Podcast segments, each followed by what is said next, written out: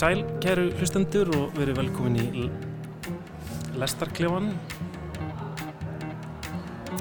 Körfubolti, listvefnaður og vinsalisti píjanisti heimsum þessar myndir koma öll við sögu í þættinum í dag sem að þessu sinni er sendur út í beinni útsendingu frá listasafni Reykjavíkur Kjarvalstöðum sem eins og svo mörg önnur söfn og samkominnstæðir er opnað á ný eftir að tilslaganir voru gerðar á samkomiðbanni. Gestir þáttarins í dag eru Egil Sæbjörnsson, myndlistamæður, Pavel Ermolinski, körfuknallegsmæður og Edda Erlindsdóttir, pjánuleikari. Þau alltaf sitja hérna með mér næstu 50 mínútunar eða svo og ræða þrjú listaverk eða menningafyrirbæri. Þetta eru nýplata Víkings Heiðars Óláfssonar með verkum eftir fransku tónskáldin Debussy og Rameau. Það eru Netflix heimildafættirnir The Last Dance sem fjalla um síðasta leiktímabil körfubóltastjórnunar Michael Jordan með Chicago Bulls í bandersku NBA-dildinni og svo er það síning sem stendur yfir hérna í salunum við hliðin á okkur um, síningin Lífsfletir sem er yfirleitt síning á verkum áskerðar búadóttur listvefara. En við ætlum að byrja á tónlistinni já velkomin öll, öll þrjú byrja, Takk fyrir. byrja, byrja um, Við ætlum að byrja á tónlistinni e, við ætlum að byrja á eila vinsalastu plötu klassiska tónlistarheimsins um þessar myndir á undarfarna vikur. Eh, Debussy, Rameau, þar sem að Vingur Heiðar Ólásson leikur verk eftir tvö fransk tónskáld. Það eru klart Debussy og barokk tónskáldið Jean-Philippe Rameau. Ólík tónskáld sem að voru upp á ólíkum tímum en Vikingur stillir þeim upp hlið við hlið, fléttar verkum þeirra saman. Við erum óendar tengingar þarna á milli. Þetta er þriðja platta Vikings fyrir Deutsche Grammophon sem er líklega þekktasta útgöðafyrirtæki klassika tónlistarheimsins. En þessar plötur hafa skotið vikingi hratt upp á stjörnuheiminni í þessum bransa. Og ég held að platan hefði sittið á toppi vinsaldalista um, bara núna frá því hún kom út. Um, Mér langar að byrja á þér Egil um, Þið eru kannski ólíkum geirum tónlistarinnar en ég, veit að, að þú er nú samt fylst með honum uh, lengi. Mér langar að spyrja sko um þessar gríðalögu vinsaldir sem hafa allt í hennu orðið núna á undarförnum árum. Um, Vingur auðvitað alveg frábær píjánuleikari og það er alveg óumdeilt. En það eru endalust margir sem eru tæknilega færir. Hérna svona út frá þínu sjónarhóli hvað hérna, hvað heldur það að sé sem að gerir Viking svona að, þannig að fólk sé að grípa núna?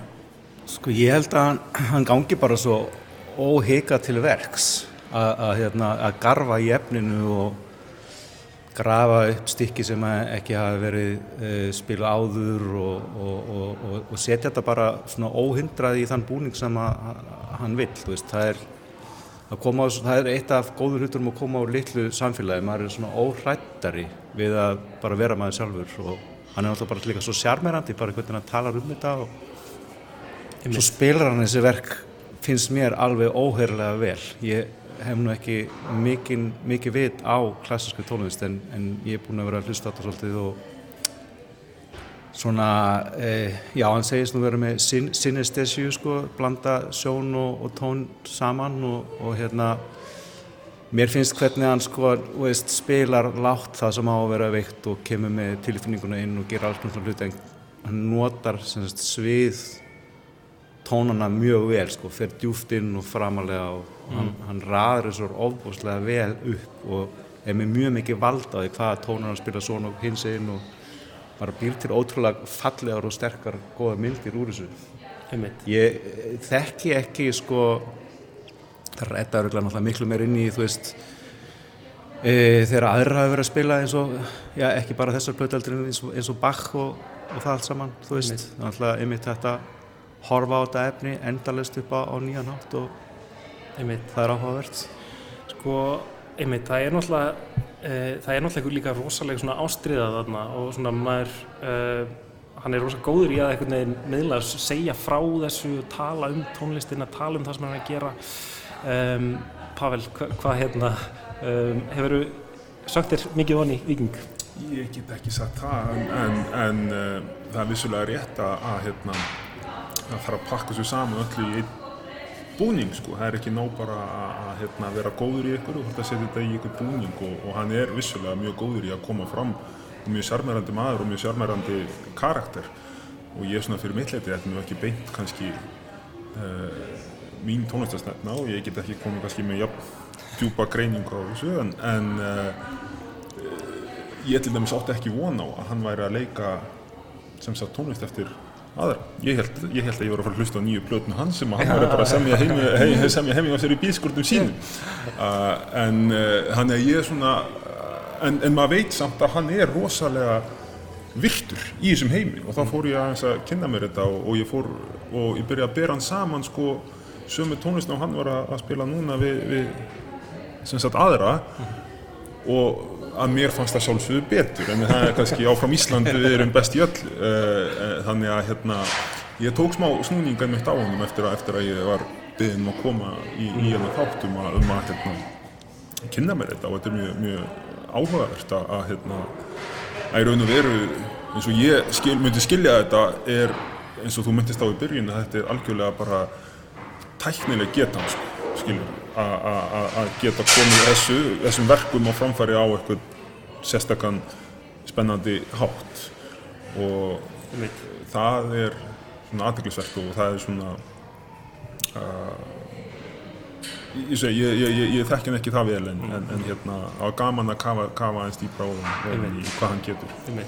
Þetta hérna þú náttúrulega ert með sko annan fótinn í Fraklandi, hefur búið þar uh, lengi að hluta til. Um, þannig að þetta er svona, þessi platta kemur frá þínum heimavelli kannski, frönsk tónskáld.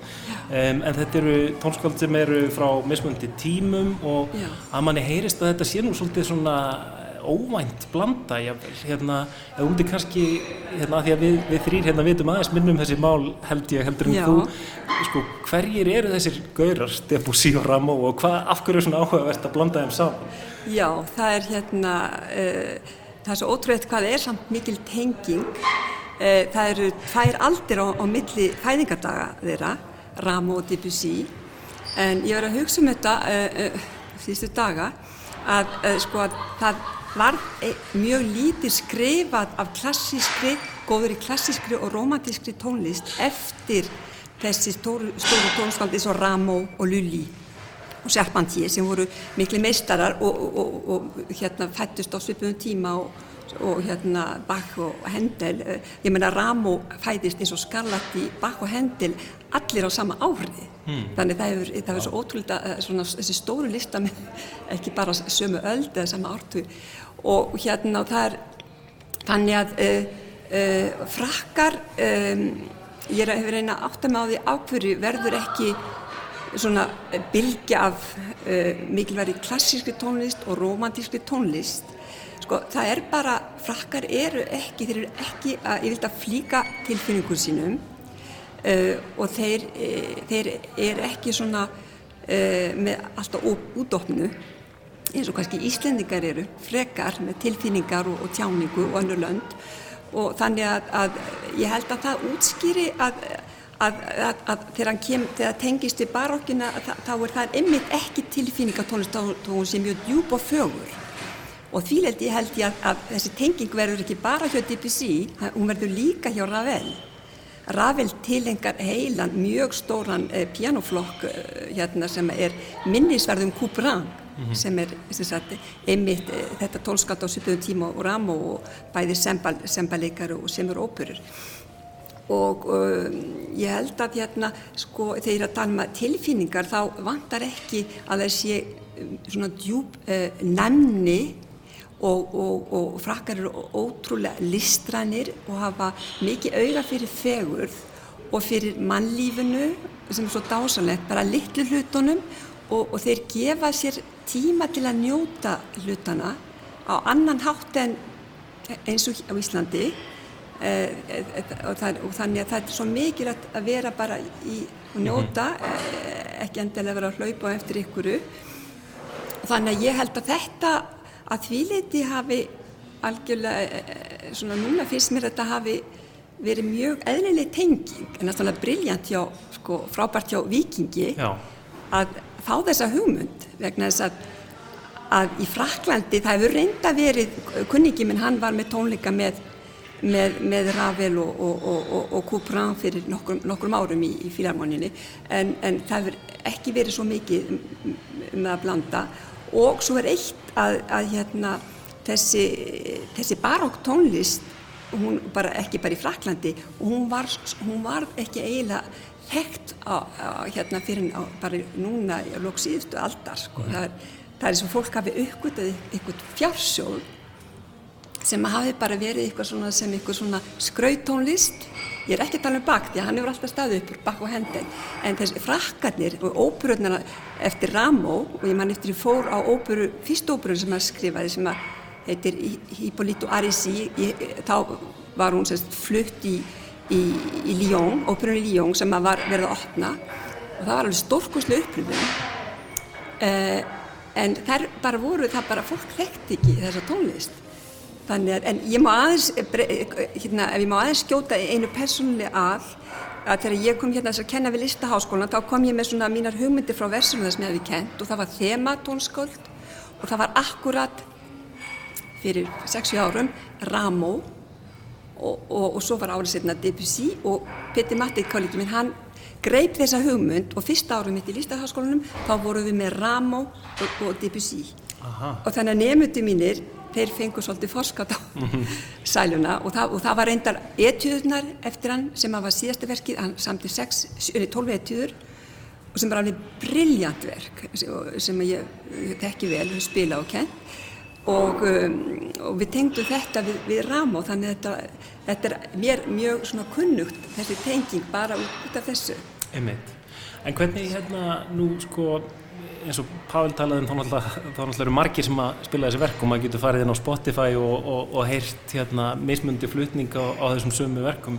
Sko hvað hvað er vikingur að gera öðruvísi, er hann, er hann, er hann að gera eitthvað ja, annað? Sko, fyrir mér sem pjónuleikara og, og þá þá hefur hann svo djúpa innilega sannfæringu.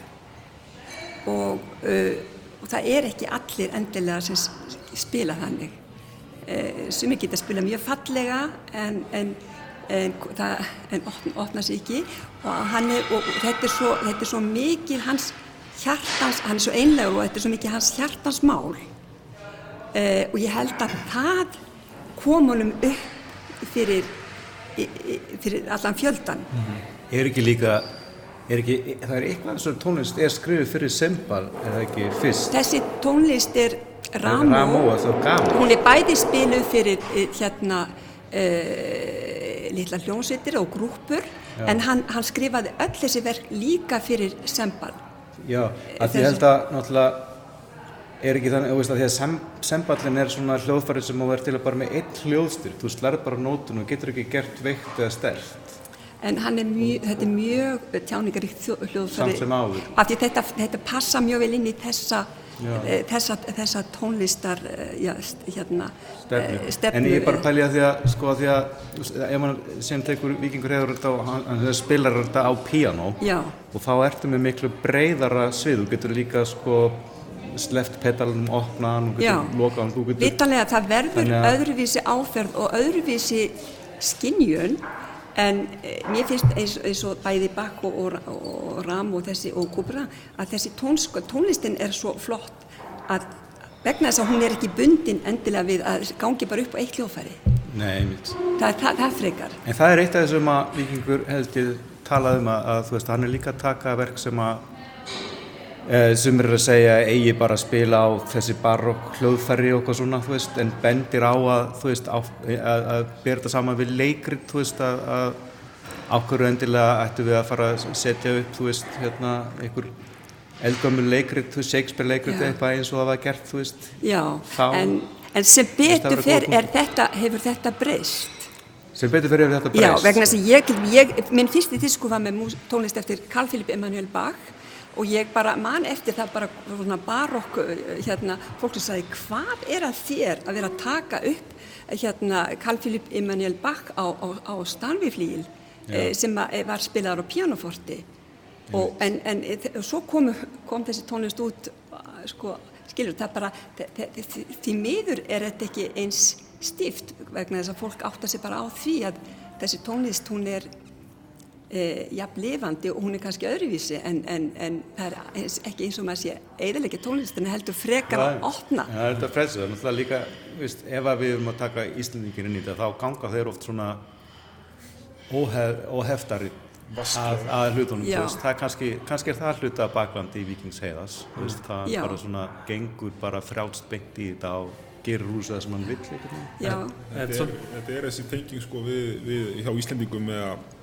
minn grunnur er sá að, að, að við erum það lítil þjóð, við erum það ómeðvituð að við skiljum ekki kannski alveg leikreglunar sem eru í, í gangi. Þetta og við til dæmis ég kemur úr íþróttaheiminum Já. sem hefur náð frábærum árangri á, ýmsum sviðum. Og ég held að sé bara út af því að við erum algjörlega ómeðvituð um hvað er að gerast. þannig að við mætum Já. bara og bara, Já. á ok, við erum að spila fótbolta Já, hérna, vinnum frakkana eitthvað og ekkert mál. Er og þetta á kannski við um þetta Já. einnig sko. Já. Þetta er svona svolítið hérna kannski eins og hún hérna, ætlum við að tala um hana búadóttur líka. Já, í lókvaldar. í lok En þú mátt alveg skjóta inn. Nei, þú mátt alveg já. skjóta inn. Nei, ég er bara að pæli í, þú veist, að, fara að gera svona modernísk málverk með vefnaðanum, sko, á upp úr 50. Já, hún var algjör frumkvöld.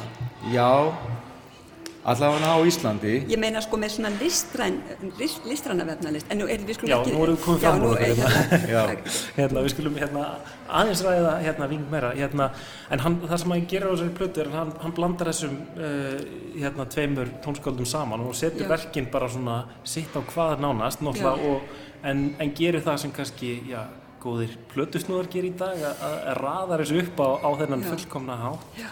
Um, mér fannst svolítið skemmtilegt að hlusta á þetta og vera að reyna að giska hvor, uh, hvor, hvort tónskáldið ætti hvaða verk og ég gæti svona Já. næstu því alltaf gert rétt Já, já, hérna, uh, pælduðu þið eitthvað í, í því þessari svona uppröðun á þessu?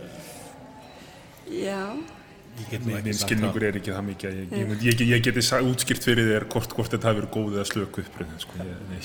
ég, fannst þetta að vera hérna, mjög sannfærandi. Ég, það var aldrei sem ég hugsaði mér, akkur er þetta og eftir þessu? Ég þekki öll verki mjög vel. Ég hef bara spilað eitt ramó, það er þetta falla Tondru Plant sem er eh, mildir kveinstafir, ég, ég hef spilað það. En ég ken, kent mest af þessu og, og hérna, þannig ég get alveg, eh, sko, eh, bara ég þekki þau vel, um, tala að vera eilir einslu en, en mér fannst þetta mm, bæði flott og augrandi og, og hérna, sannfærandi. hvernig, hvernig þessu raði upp? Þú ert náttúrulega svo djúft inn í þessum heimi, sko. Við erum bara svona... Já, en hver, ég maður náttúrulega hver og einn er inn í sínum heimi, Já, samt já. blöndust þið sko. eh, Einmitt, en, en hann hefur verið að ná sko nefnilega vinsældum líka sko langt út fyrir, fyrir klassiska heiminn, Já. fyrst manni Já, sko. já, En hann er eitthvað svona, ég veit ekki hvort að margir þekkja hérna einn e, píónleika sem e, nefnir sér Chili González. Og hann er svona, hann er hérna, hann er líka svona, gammal kunningi mín frá Berlín. Og hann er, hann er sko, hann er, kemur eiginlega úr jazzpiano heiminum en hann gerði plötur sem héttu solo piano fyrir nokkuð mánu síðan. Og svona hljóma eins og klassisk tónlist. Já, já. er það ekki alveg? Og svo bara allt í henni skellir hann kannski bara abba eða einhverju dóti inn í. Já, saman hann ferðast um og spilar í fílarmónium út um allan heim. Já, hann er búin að ná því drengurinn. Já, og fer svona rosalega sko frjálslega með þetta. Er alltaf Já. svona í, í slopp eins og hann hérna kanadíski hérna sem að var alltaf svona hvað já, hérna Glenn Gould. Já, Glenn Gould, Já, já. hann elskar Glenn Gould, er alltaf í svona náttslopp, kopera Glenn Gould og, og, og ég held að, mér finnst, ég sé svona, ég veit ekki hvort það sé þekki hann, ég sé svona ákveðna smá tengingu, þú veist, að, leika sér með efnið, Já, þú veist, að já. fá að leika sér með efnið, þú veist, og fara út fyrir, þannig að þannig þess vegna er þetta plata líka með vikingi heiðar en ekki bara eftir Debussy og Rameau, Já, og, þú veist, þetta er hann, þú veist, hann er að leika, velta þessu upp og gera eitthvað annað úr því. Þetta er, þetta er einmitt að, að koma svona frábæra hérna, hugmynd um, um, um, um, að, um að gera eitthvað sem að líka myndi ég segja opna eyru fólks fyrir tengjungu Einmitt. og, og líka kynna til dæmis e, þessi verk eftir Ramón þetta er alveg sko dásamlega falleg og tær og skemmtileg músík og, og, og hérna og þetta þetta- já, báður, báður tveir eru, eru eini frá, frá e, bestu hérna, hérna Miklu uppáhaldi. e, bestast, bestastir eins og ég segja Bestastir. Me, me, með mörgum öðrum en, en svona já. Um, en við skulum snú okkur að um, næsta umræðefni. Uh, það er heimildatháttaröðin The Last Dance, síðasti dansinn sem er framleitur af íþróttasjónastöðinni ESPN og, og streymisveitur Netflix. Þættirnir fjalla um síðasta tímabil Michael Jordan með gullaldarliði Chicago Bulls í NBA köruboltadeldinni 1997 til 98. Liðið freistar þess að tryggja sér sjötta NBA-titilin á sjö árum en það er svona ákveðin treygi yfir þessu, það, hópurinn er að liðast í sundur, þetta er síðasti dansinn. Leikstjórin Jason Hare um, notast bæði við viðtöl við bara nánast alla sem tengjast efnu og jáfnveil fólk sem tengjast efnu ekki neitt. Um, en það sem skiptir kannski mestumáli er að hann fekk þarna gríðalegt magn uh, myndefnis sem var tekið á þessu tímabili og hefur aldrei byrst áður. Það semst voru kvikmyndatökumenn sem fengi að fylgjast með bak við tjöldin hjá Chicago Bulls allt tímabilið. Það voru einhverjir 500 klukkutímar af, af, af efni sem þeir notuðu. Um, kannski líka beint við að byrja á þér Pavel. Þættinir hafa slegið í gegn og eru svona ja, vinsal, vinsalasta sko, heimildar efni heimsum þessa myndir. Er það bara því að íþróttafólk hefur ekkert annað að horfa á núna eða hvað? Hva Já, sko mér skilst að þeir hafi, ja, mér skilst ekkert, ég veit að, að hérna, það hefur komið fram að þeir flýttu útgáfinni vegna þess að fólk satt heima hjá sér og var bara, herru, getið bara hendið sér núna takk og þau hefum ekkert að gera. Og, og þeir gerðu það og þeir eru núna, þeir eru enda á að klippa sem sagt Uh, klippa þættina samlega því að þeir eru að koma út sko. Já, það eru bara komnir sex þættir núna já, og það eru fjórir, fjórir eftir, eftir og þeir eru bara í því núna en það er smá pressaðum en ég held að sé sko spennan í kringum þetta er annars vegar eins og þú komst að með efni sem að ég ætla ekki að segja fannst, það var vitað um þetta efni en uh, það var bara aldrei búið að gefa grænt ljós á að gefa það út sko í, í núna hvað 20 pluss plus ár.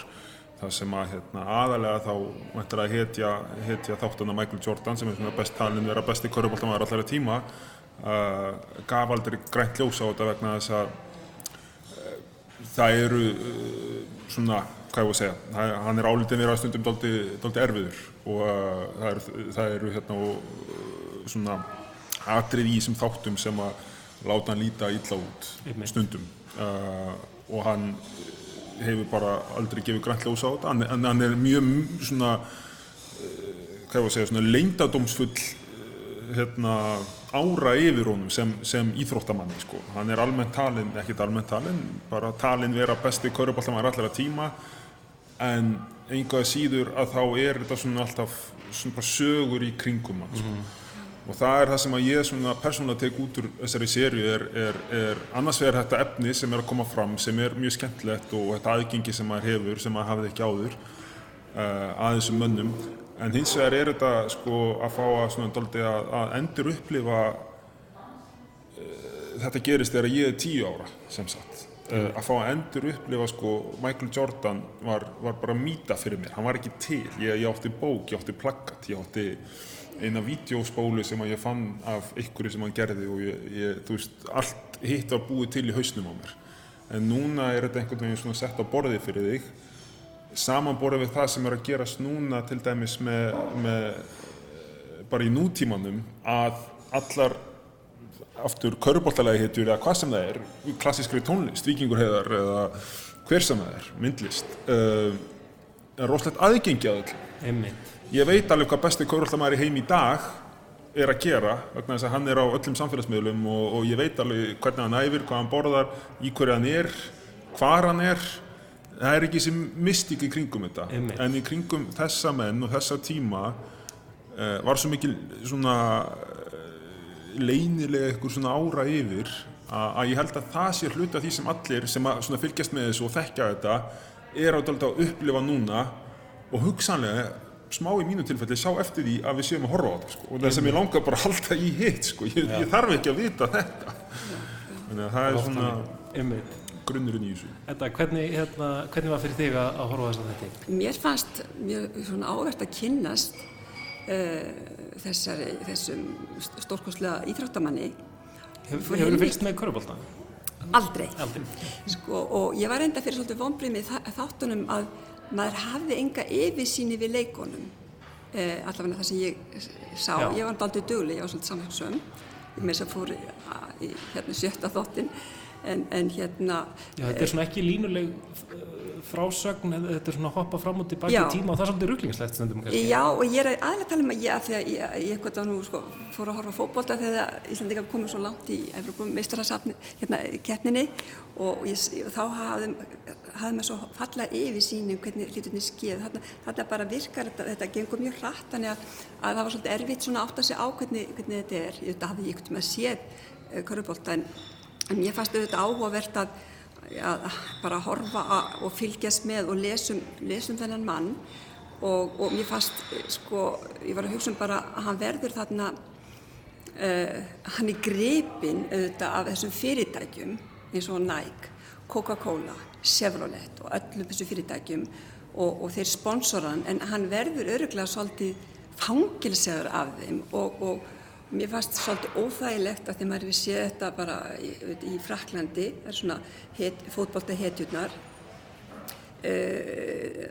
Þeir verða svo mikil fyrirmynd fyrir unga fólki og svo er þetta með þessa skó, þarna er Jordan sko, að e, ég las, hérna sá ég einmitt í, í gær það að það reiknaði með að, að selja þrjár miljónur og seldu 120 miljónir, þannig ég var að hugsa sko hann, ég held að mér finnst því að hann hafi ánetjast þessu og þetta lítur að hafa tekið ykkur neginn sko að, að það er alla, alla, allir að græða honum.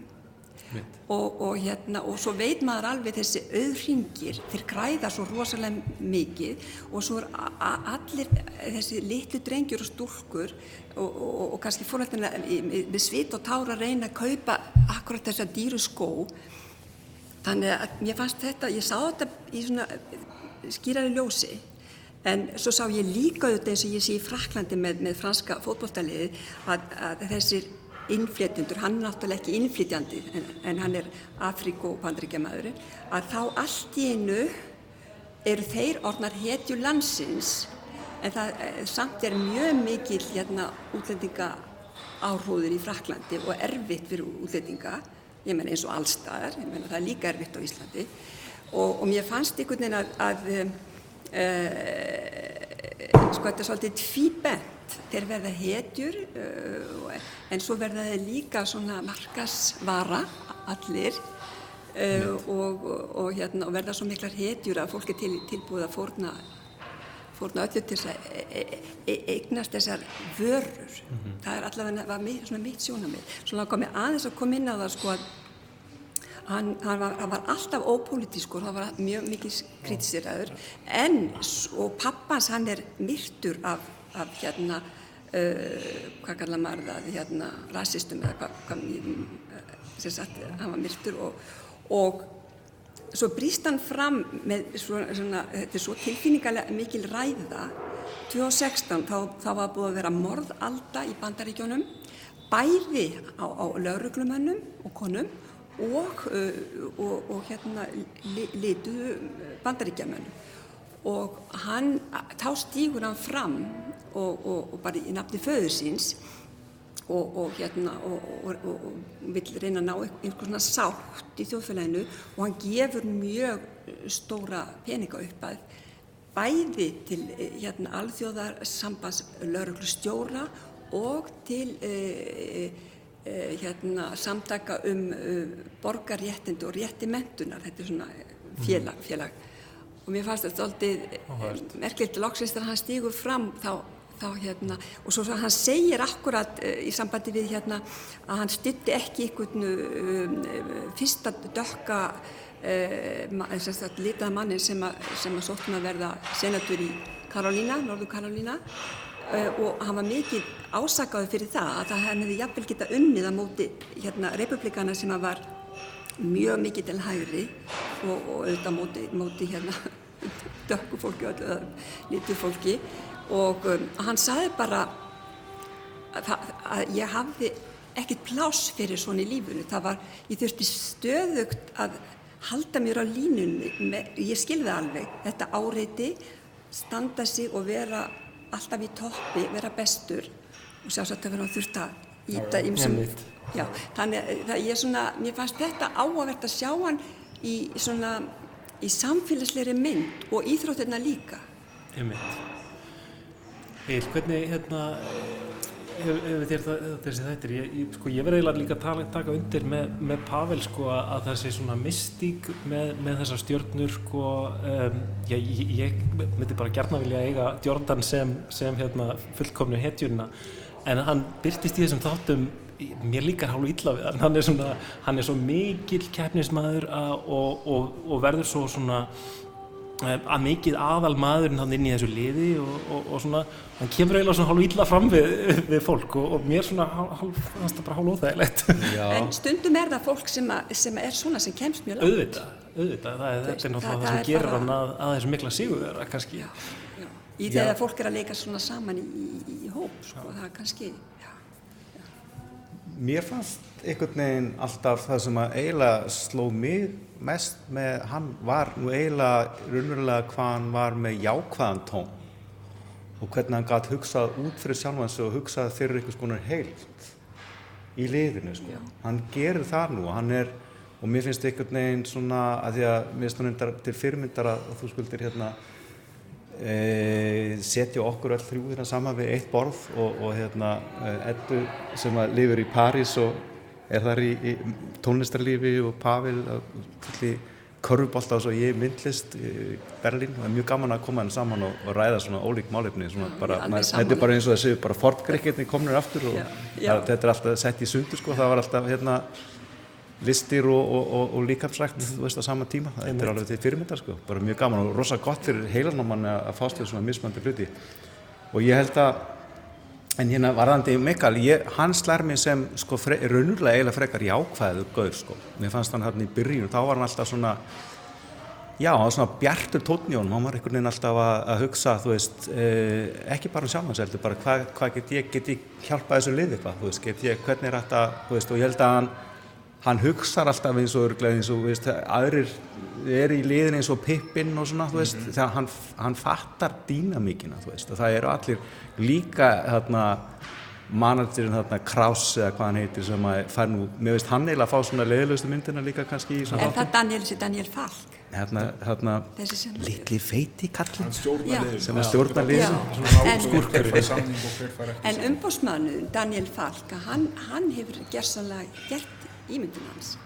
hvað séu, hann hvað Hann, hann bjóð til, sko, hann, umbó, hann segir bara, hann segir það sjálfur, uh, Jordan, sko, að, að, að það var hann sem að gerði, Stýrir, gerði hans karriér. En, en, en það er svolítið kannski líka áhugavert að, að velta því fyrir sér sko, e, það hefur svona hljómað svolítið núna gaggrinni undarfarið að það er sko, eins, eins og Pavel sagði að, að, að Michael Jordan varð að samþykja að þetta efni væri, væri notað þess vegna hefur það beðið í, í 20 ár um, og, en hann og hans, fyr, hann, hans fyrirtæki í rauninni kemur að framleiðslunni á, á þáttunum þannig að þetta er kannski ekki þetta er eiginlega meira afþreying heldur en einhver svona bladamennska eða, eða kannski eitthvað sem við höfum að taka of alvarlega því að hann hefur ennþá svona ákveðin mögulega völd yfir hvernig hann byrtist þarna allavega. Já, já, sjálfsögur setja þeir þetta, þeir núna er að setja þetta fram þannig að Michael og hans lið skipta sér bara akkurat ekkert að þessu sko, það er verið að setja þetta fram þannig, Eh, ég veit ekki alveg hvort að það sé,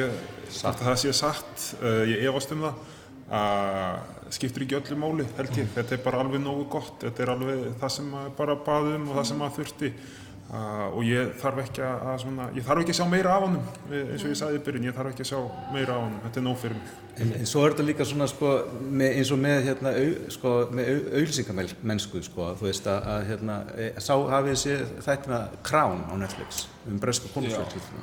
Já. Þau föttu náttúrulega sko, þú veist, þurfti að brjóta það blað upp úr 1950, þú veist, að senda beint frá konusfjölskyldunni og svo sko þurfti að opna sko fyrir það að það er bara fjalla opnara um bresku konusfjölskylduna heldur en á fyrri hluta 20. aldar Breyttir tíma bara. breytti tímar og, og þar að leiðandi sko svo var líka ég maður því að las hérna uh, uh, bókum Elvis Presley þá var hérna sko managerinn hans þeir eru að keyra í bíl og sjá okkur gaur út á gánstætt að selja svona bootlegs af Presley og í staðin fyrir að stoppa og eitthvað spyrja hann bara eitthvað, hvað er þetta að gera veist, þegar þeir séu ekki að fá peninga af seldum eintökum þá fattaði hann að vegna þess að þarna væri maður að selja bootlegs út á götu það væri meira auðlýsingavirði við þess að það síndi hvað Presley væri mikilvægur heldur en að fá nákvæmlega einhverju auðra fyrir þær, þær sölur. Þannig að ef að Jordan og þeir veist, setja fram þessa mynd þar sem að kannski Jordan lítur ykkur um út fyrir að líta ekki mjög vel út þá er þetta kannski betra fyrir hann til að halda fyrirtækinu Ég- gangandi. Og eins og þú varst að benda þetta að selja hann einhverju hundruð miljóna, Já. miljóna Ég held að sko, skóa ég held að sko, það er eitt punktur í þessu, það er svona kapitalíska sjónin á þessu að, velinn þarf að matla áfram, það þarf að halda áfram að selja sko. Ég held að sé líka hluti af þessu er hann persónlega er að sjá fram á það núna, það eru liðið núna 20-25 ár og hann er, hefur alltaf verið talin bestur sko. Núna er kynnslóðar að koma að sem að Jordan er ekki svona mýta fyrir þeim, Jordan er bara einhverju skór, hann er á einhverjum skó sem að þau kaupa, Já. ég veit ekki hver þetta er. Og það er alveg mjög grunar og það er alveg svona kenninga til um það að þetta er að koma fram núna að sem hann er í rauninni bara að minna á sig Já. að segja sko, nei nei, ég er ennþá bestur sko. Það er það, þú veist, breska konungsfjölskyldan líka notar, þú veist, þarf að minna á sig til þess að fá að vera áfram til Akkúrat. þó að það fengi allt þetta illa umtal eins og, þú veist, þannig að þetta er, þetta er eins og, þú veist, þetta er þessi kannski, má kalla það kannski auðlýsingamennsku eða bara að heiminum fer fram svo mikið í gegnum fjölmila og, og núna í gegnum félagsfjölmila, e, félagsmila og netinu. En mér fannst, ég er alveg sammála Agli, sko, eh, að mér fannst, mér fannst hann eh, hérna geðþekkur. Mér fannst eitthvað gott, ég með augun. Eh, auðvitað, ég meina, eh, hefur hann öruglega gert ímislega sem þetta gaggrína, en, en hérna kannski að svona almennt, eða yfir heildina liti hefur hann kannski hérna náða að höndla uh, þessa fræð og þennan, þennan árangur, sko, það er eiginlega hvað stendur Ég held að er þetta ekki sko. svo mikið svona mentalitet, þú veist, mér er þess að í körfubólta þar eru íþróttamestundum að æfa sig í hugunum að kasta boltanum Já, og, og þú veist, og í, í, í pínuleik þá held ég að þú getur spilað eitthvað verk sko 30.000 sinnum bara í hugunum og það skila sér í Það er akkurat það sem ég er að segja við nefndum mín að þið verða að kunna verkin í huganum. Já, þess, þe- á þess að hreyfa, lokuðu augun á þess að hreyfa fingurna talandi um sko forgríkina sko, þess vegna spyr ég að því sko, veist, að að, að þetta það er svo mikið af raunurleikunum sem gerist í huganum. Og mér fannst Michael Jordan vera svo rosalega meðvitaður, hann er svo meðvitaður um þetta rými í huganum, attitútið hina sem eru inni í rýminu sem er hugarrými, þegar þú ert í liði þá þarf það, það þarf að vera eitthvað ákveðið gengi í gangi og þegar þú ert að spila tónleika þá þarf það þá ert að spila inn í ykkur hugarrými þegar þú ert líka fyrir framann fullt af áhörfundum og svo er spurning hvað hún var að, að spá hérna hún áskjöru búadóttir þegar hún var að gera þessi, þessi, þessi málverk úr vefnaði Einmitt. Já, En já, ég ætla líka bara aðeins þess að enda það, en þið getur í, rétt ímynduð ykkur hvaða mikið álag að vera svona frægur, hvað lítur að soga mikið kraft fram hann það er allstað, það bara allir hella sér á hann. hún er þannig að- stabilitet sko hvernig hann stendst Já, það. hann er svona, svolítið finnst mér virkar svolítið svona eins og klettur, sko. Já, hann var á þessum tíma ólgusjó. frægasta manneskja í, í heiminum og eftir bandaríkjafansvita. Og vonandi er hann bara sáttur og, og öfundar ekki yngri kynnslóðina. Nei, ég held að hann sé Ég, ég, ég, ég, ég veit ekki, ég, ég, ég þarf bara að að tjekka á því við að bara hringi hann og... sáttur þá og sáttur nú hann verðist vera þannig típa bara En það er sama, fyrir ekki, svo uh, ég ætla að tengja þetta við, ég ætla að vera kláru, ég ætla að tengja þetta við píanóleikin. Já. við liðið það. Út af vorum að ræða á hann sko með, vikinghæðar og, og, og munun og honum og öðrum sem eru að spila þessi verk. Já, Að það er, um, hvernig það kemur fram, það er eitthvað tilfinning, þetta sem þú varst að nefna á. já, Að það sem að þeir eiga sammeilegt er að þeirra list er byggð á uh, mikillir æfingu.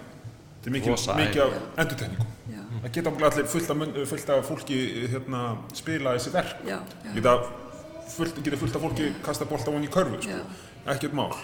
Uh, en þetta er rosa mikil endurtekning, en svo báðir hafa þeir eitthvað tilfinningu.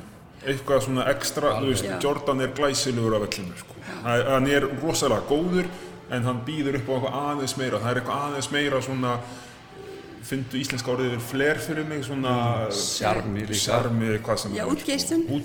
Já. Og þeir hafa greinlega þetta, Já. þetta, þetta svona, þetta er, er endurtekning, þetta er ekki, þeir eru ekki að koma fram fyrir svona, þeir eru ekki með gítarinn í hendinni eða með eitthvað svona tóman strega sem að þeir eru að fara bara mála eitthvað, kemur eitthvað út af þeim sko. Þetta er endurtekning sem að þeir eru að setja í eitthvað svona Já.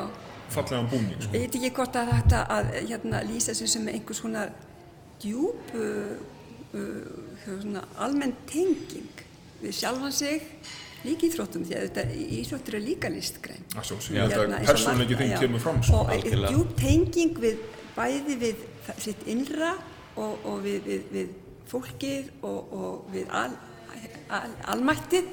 Þetta er svona eitthvað sem tengist svo fallega að vera, það er eins og allt smelli. En það er líka að vera bara bankastarfsmæður, það er líka listgrein. auðvitað. Þú lifir í einhverju hugur Það- rýmynd það er að al- hugsaði hvernig þetta koma fram með hina sem er að vinna með þér og Já, þetta þetta bú- teik, bú- svona er bara borgarlífi, það eru allar Já. greinarnar í borgarlífinu Já. ef við förum aftur til forgreikjana, þar er þetta allt stunda af sama móð. Og tala, tala ekki um bútistana, sko. Það er mikilvægt að, að rækta sinn garð og, og, og hvað sem maður gerir, að gera vel. Já. En við skulum hérna fara yfir í síðasta umræðið efni um, þáttarins í dag. Við ætlum að snú okkur að síningunni sem er hérna í salnum bak við okkur, um, hérna á Kjarvalstöðum. Lífsfletir sem er yfirleitt síning á verkum Áskerar Búadóttur, myndlistamanns eða já, listvefara. Um, Áskerur var brautriðjandi á sviði listvefnaðar á Íslandi og í verkum hennar saminast aldagamlar aðferðir handverksins og svo frjálssköpun nútíma myndlistarinnar. Sýningin spannar nokkra áratugi á, á ferlinum eða bara í rauninni alla eh, hérna, og, og fer svona í, í línulegri röð hérna, um, um salin. Um, þetta, ég ætla að lefa þér að byrja núna, hvernig, hérna, hvernig finnst þér í sýninga?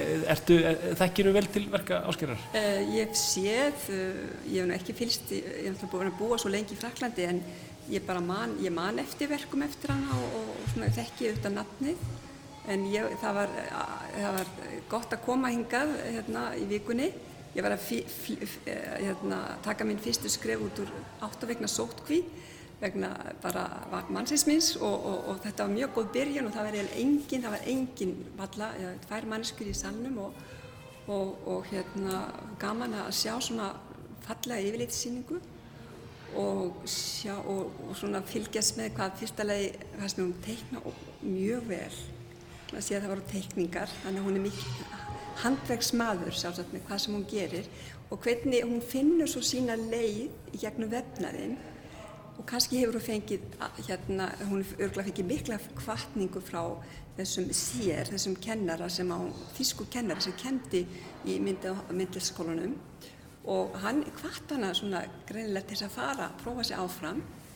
Og svo þarf hann bara að fara til Danmörku, fara í burtu til þess að finna. Og þá kemur hún heim sem sagt með vefstóli í, e, með sér frá Danmörku. Og gaman að fylgjast með svona hvernig þá í gegnum um, vefnaðin þá finnur hún algjörlega sína leið.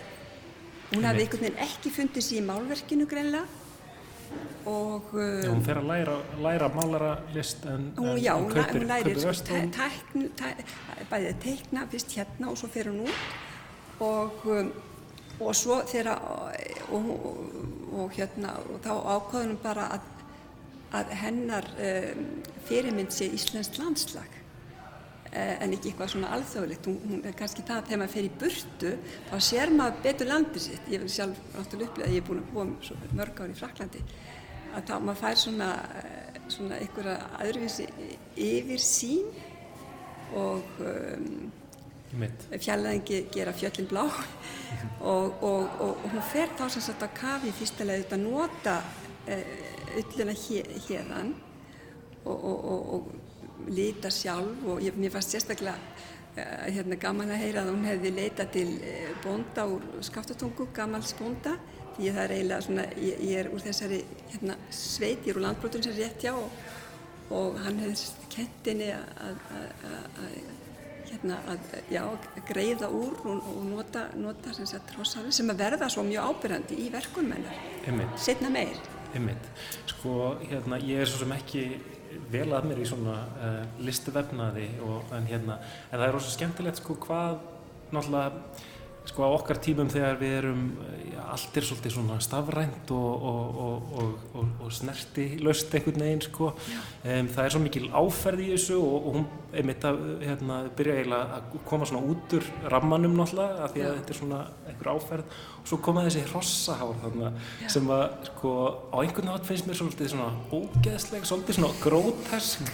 Þetta verður svo líkamlegt en samt einhvern veginn dregst ég alveg hérna að þessu sko Pavel, hérna hvernig, hvernig fannst þér þessi síning? Mér fannst hún bara mjög áhugaverð og, og, og, og ég tengi mikið það sem þú varst að, varst að, varst að segja núna og ég, ég óð hérna inn, ég áttaði mig ekki á því að, að hérna, ég gæti lappa hring sko, sem væri í, í, í tímaröð sko. en svo áttaði ég mig á því á endanum og það var mjög gaman að sjá, sjá svona þróun eh, sem átti sér stað og allt í einu voru hár komin inn í þetta og allt í einu voru komin svona mismunandi munstur og svona meiri svona það sem að fyrst leit kannski út fyrir að vera bara svona eitthvað einfalt sko teppi svona þannig séð sko, fór út í með fleiri munstur og meiri svona einhverja pælingum að staldra lengur við og man, man, man, man, man, manni, maður, maður upplifði þetta eins og sko maður var að sjá listamannin dálítið svona þróa sko, það var aðeinsvægt að, að sjá það og, hérna, og líka eins og þú myndist á áðan sko þetta einhvern veginn svona gamaldags, einhvern veginn svona áþreifanlegt eitthvað, eitthvað sem maður kannski tengir betur við heldur en einhver abstrakt málverk sem maður kannski skilur eða skilur ekki. Þetta, þetta, þetta, skil, þetta sér maður sko verkið sjálft eh, og, og hérna þannig að Ég veit. ég veit ekki, mamma mín prjóna mjög mikið þannig að ég fannst þetta mjög heimilislegt. Ég veit. Egill, hérna þetta kannski kemur svolítið í bylgjum í myndlistarheiminum uh, þessi svona vefnaður en, en, hérna, en það hefur verið svolítið svona koma aftur og kannski verið að endur uppgönda mikið af, af listamönnum sem, að, sem að byrjuðu mikið til konur náttúrulega sem að, sem að byrjuðu að nota þetta þennan miðil til þess að skapa list.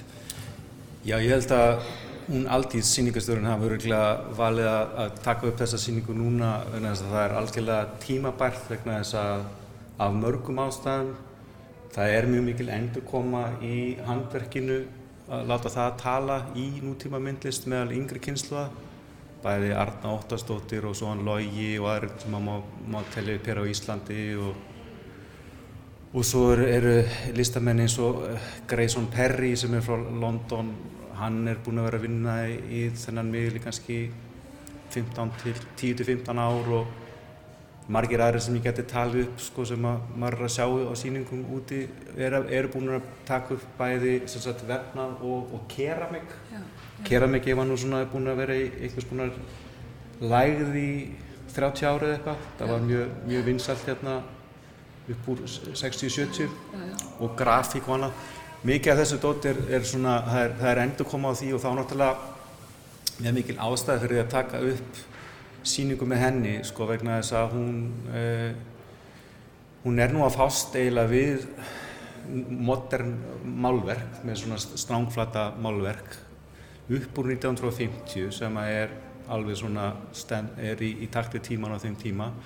Það, er- og, og það með þessum miðli, það er náttúrulega mjög áhugavert að gera það, einmitt með íslenska bakgrunnin vegna þess að það voru aðalega konur sem voru að vefa oft var þetta eina leiðin fyrir húsmaður sem annars hefðu átt engan sinns að geta verið listamenn. Það var að tjá sig hreinlega í gegnum föt og vegteppi fyrir stofur og annað og, en hún fer með þetta náttúrulega í alltara deild sem er alls ekki þar heldur er bara alveg pjúra myndlist sem á heima í sörlum eins og hér. Já, þannig að þú veist það er löngu komin tíma á að, að, að, hérna, að kíkja á, á feralinn hennar Einmitt. Ég var einmitt að hugsa að ég las nýlega bókina hérna Þórað Biskups Já. og þar er einmitt hún uh, svo mikið í hannirðum og það var eins og, eins og hjá þinni ömmu og hjá, hérna, ömmu mínum í skaftansíslunum þá, þá var þetta um, tannissi listgrein þetta var samt, þetta var svona nýtjalist en hún var ekki, þið var ekki lita á hana sem að listgrein. Og ég var einmitt að hugsa um þessa, allar þessar konur í gegnum aldir sem að unnu svona flott verk. Uh, að þá, þetta var kannski það, ei- það eina sem þær getur gert til þess að fá að njóta sín sem slíkar því að í, í, alveg klart í, í þessari bók eh, eftir hana Sigrunu Palma, þessum mjög aðeinslega bók, þá er einmitt Þóra, uh, hún er flug uh, vel gefin og, og hérna og, og þá er hún svona frumkvöldið því að, að, að að sapna saman gamlu munstrum, ég, ég, bara, ég bara tengdi þetta bara því ég var, kom á síninguna, en þetta var náttúrulega ekki listgrinn fyrir eftir setna stríð. Vefnað var hvergi listgrinn eða hvort hann var sem sagt, já, þetta var yfirleitt pantað en ekki sjálfstæðs, held ég, ég sé að rétt, sjálfstætt starfandi, e, listvefnaður var líklega ekki til, sko. Það var, Nei, það er er, náttúrulega... það, er það ekki rétt hjá mér eil? Jú, jú, einmitt, það er svona vera að tala um þetta að það er verið litið á þetta sem handverk, sko, Já. en, en það skarast nú, það er náttúrulega til alveg eldri dæmi og Já. svoleiðis, en, en þetta er samt, það er mjög stert hjá henni að, stíga þetta skref fram. Hún er kona á þessum tíma, það er líka annað sem spilar stóra rullu í þessu, af því að það voru miklu færri konur sem að náðu að stíga fram og verða myndlistamenn. Og þetta er algjörlega nútíma myndlist, þetta hefur eiginlega ekkert með eitthvað gamaldags handverk að gera nema það að hún notar held ég íslensk litunarefni sem að vísar þá í þann arf og, og vísar náttúrulega í þann arf, líka í arf einmitt kanna yfirleitt, Já. þannig að En ég var, fyrir ekki, ég var ekki, ég var ekki að tala um að þessi, hérna, öll þessi, þessi, þessi vefnaverk sem hafa verið gerðið kring aldrina, það, ég er ekki að tala um að það hafi ekki verið listaverk, heldur en það var ekki beinleins litið á það sem, Nei, sem list, sko. Nei, nei, það er allir er nú til frægur hérna, bæjurefildin, íslenski, Já. í Fraklandi. Normándi. Við komumst ekki lengra að þessu sinni. Það hefði eflust verið hægt að ræða hérna, áfram í já, að minnst Já. klukkutíma í viðbóta. Kannski má benda á að hérna, á safnadeginum sem að fyrir fram 18. mæ eh, næstu komandi eh, þá eru málþingum áskerði eh, hérna á kjærhaldstöðum og, og textíl í myndlist á Íslandi. Það eru frítinn þannig að fólk getur eh, endilega komið og kíkt á sýninguna þá. Um, en það komið að leiðalokum hjá okkur í lestarklefanum í dag. Ég þakka gestum mínum hér á Kjarlstöðum, Pavel Ermolinski, Edda Erlendsdóttir og Egil Sæbjörnsson. Þátturinn verður áttur á sama tíma að viku leiðinni. Þá var Bergstedt Sigursson til sín trjá góða gesti. Ég þakka fyrir í dag. Verðið sæl.